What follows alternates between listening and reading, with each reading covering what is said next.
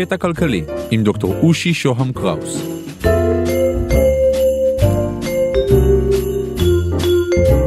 קטע כלכלי, פרק מספר 11, social credit, חלק שלישי ואחרון, איך תעשיית הפיננסים שורפת לנו את העולם. למה אנחנו מייצרים, ובשביל מה יש לנו תעשייה בכלל? האם המטרה של המערכת הפיננסית לאפשר לנו צריכה אמיתית, או אולי לעודד צריכת שווא? שאלות טובות. חברי קבוצת ה-social credit שפעלו בתחילת המאה ה-20 לא מחבבים את המערכת הפיננסית וחושבים שהיא אינה משרתת את הכלכלה בצורה טובה. הפתרון שלהם, ביטול שלה לטובת מערכת שכר אוניברסלית.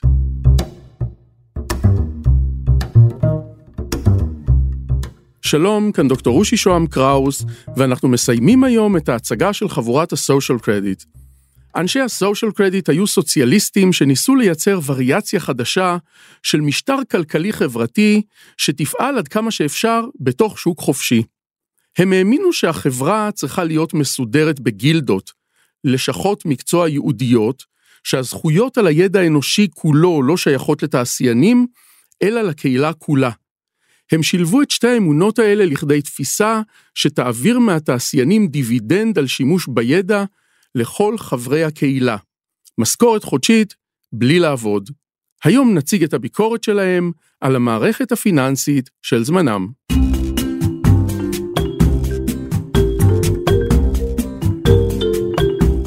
הכלכלן בן המאה ה-19, תורסטן ובלן, חשב שבעקבות תקלה, אנשי הפיננסים השתלטו על שוק הייצור.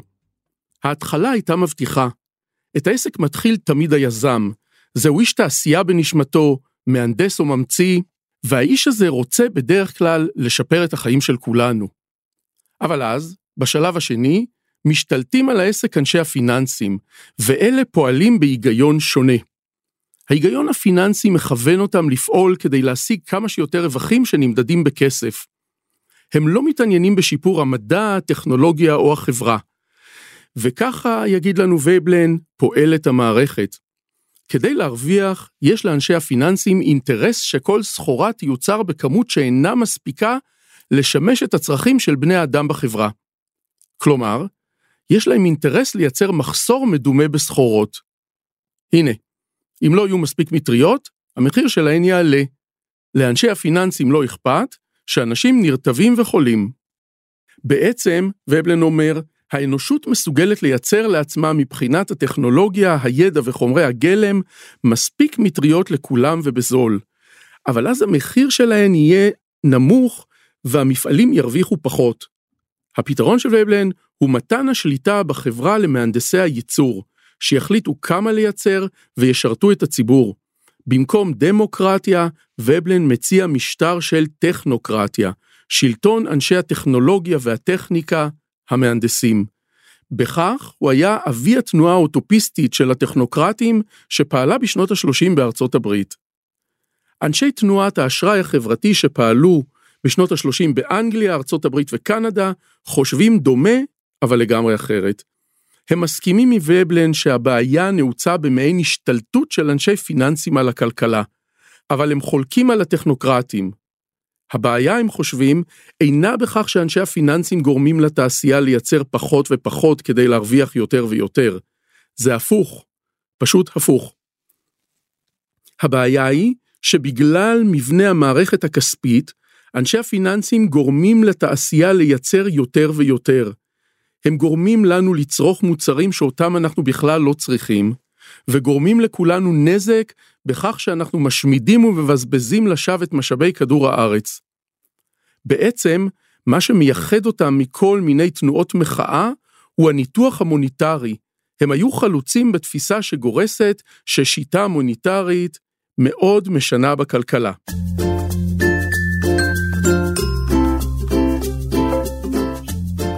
נתחיל במושגים בסיסיים. אם אצל אנשי כלכלת המיינסטרים ההון מקביל לסחורות וטכנולוגיה המבוטאים בכסף, הרי אצל אנשי האשראי החברתי, הון הוא היכולת הפוטנציאלית של אנשי הקהילה לייצר עבור עצמם עושר. ומה זה עושר? אצל רובנו עושר הוא כסף וזה מזכיר לנו יכטות ווילות. אבל בשביל אוריג' ודוגלס, אנשי הסושיאל קרדיט, מדובר במשהו בסיסי וצנוע. מדובר בסיפוק הצרכים הבסיסיים של האנושות. הנה, בחברה שלנו יש הון פיננסי של כסף, והון במובן הנכון במרכאות, כלומר פוטנציאל לייצר טובין לבני האדם. הבעיה היא שמערכת הכסף, מערכת ההון הפיננסי, היא זו ששולטת בייצור, והיא עושה את זה בזכות המבנה של הכסף. הכסף, טוענים אנשי האשראי החברתי, מיוצר על ידי הבנקים כחוב.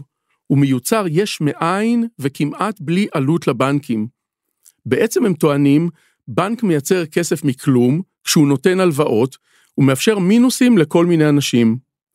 לבנק יש אינטרס לייצר כמה שיותר כסף, כי הוא מרוויח עליו כסף. הוא בעצם מייצר מוצר שנקרא כסף, בזמן שכמעט אין עלויות בייצור שלו. ייחוד שני של מוצר הכסף הוא שזה מוצר שניתן לקנות בו מוצרים אחרים, אוכל, בילויים ומגורים. אבל למה לנו ללוות? הסיבה העיקרית היא כדי לקנות. ולכן, ככל שיוצר יותר בקהילה שלנו, כך נקנה יותר ונזדקק ליותר כסף. המרכיב השני במצב הלא טוב שבו אנחנו פועלים, בא לידי ביטוי במה שמכונה משפט A פלוס B.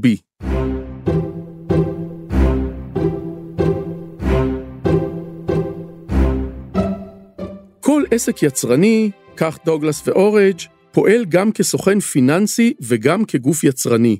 העסק מקבל הלוואה מהבנק, או מביא כסף מהבית, ומחלק אותו לעובדים בצורת משכורת.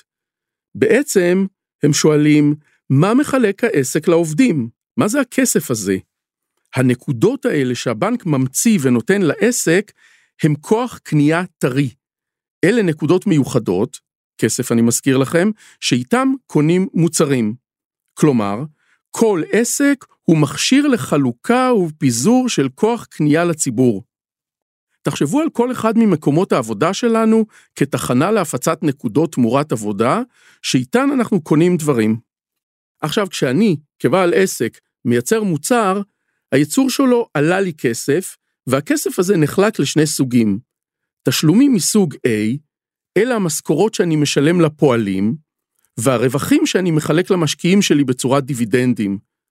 אבל כדי לייצר כפיות למשל, אני צריך עוד דברים. אלה מוצרים שנקראים מוצרי ביניים, כאלה שהקהל לא קונה בסוף אבל הם הכרחיים לייצור. הנה, במקרה של כפיות, אני צריך לקנות מכונות יציקה, וכמובן מתכות או חומרי גלם, אלה תשלומים מקבוצה B. כלומר, אומרים לנו אורג' ודוגלס, עלות כל מוצר ליצרן היא A פלוס B. בואו נחזור על זה שוב. יצרתי כפיות. כדי לייצר כפיות, קניתי מתכות ומכונות בערך של עשרה שקלים, B, ושילמתי חמישה שקלים לעובד שתפעל את המכונות, A. סך הכל עלה לי לייצר את הכפיות 15 שקלים. ועכשיו, לעובדים שלי יש כסף בערך של A בלבד, אז איך הם יכולים לקנות מוצרים בערך של A פלוס B? אני חוזר שוב. אני פועל והרווחתי A. בדוגמה של הכפיות חמישה שקלים, אבל הכפית עולה חמישה עשר. איך אצליח לקנות? התשובה של אוריג' ודוגלס, אני אלך לבנק ואקבל הלוואה. בעצם, מה שהם אומרים הוא שההווה שלנו, שבו אנחנו קונים, שמורכב מתשלומי A, כלומר כל מה שכולנו העובדים בחברה הרווחנו, הולך לקניות של דברים שיוצרו קודם במחיר יקר יותר ממה שאנחנו מרוויחים. ולכן, באופן מבני ושיטתי, אנחנו חייבים כקהילה לקחת כל הזמן הלוואות ולקבל כסף שיגדיל את כמות החובות וחוזר חלילה. ומה מציעים השניים לתיקון המצב? הם מציעים את מושג המחיר ההוגן, וכמובן את הדיבידנד החברתי שעליו דיברנו בפרקים הקודמים, כלומר את המשכורת המיוחדת שמקבל כל חבר בקהילה על החלק שלו בירושה של הידע האנושי. ניפגש בפרקים הבאים, אני מרצה ומייעץ בתכני הפודקאסטים, תוכלו להשיג אותי באושי at אושי.co.il, תוכלו לשלוח לי וואטסאפ ב-050-8898-322 וואטסאפ בבקשה, או לקרוא לי במסנג'ר של פייסבוק, אושי שוהם קראוס, באנגלית. תודה לקווין מקלוד על המוזיקה, להתראות.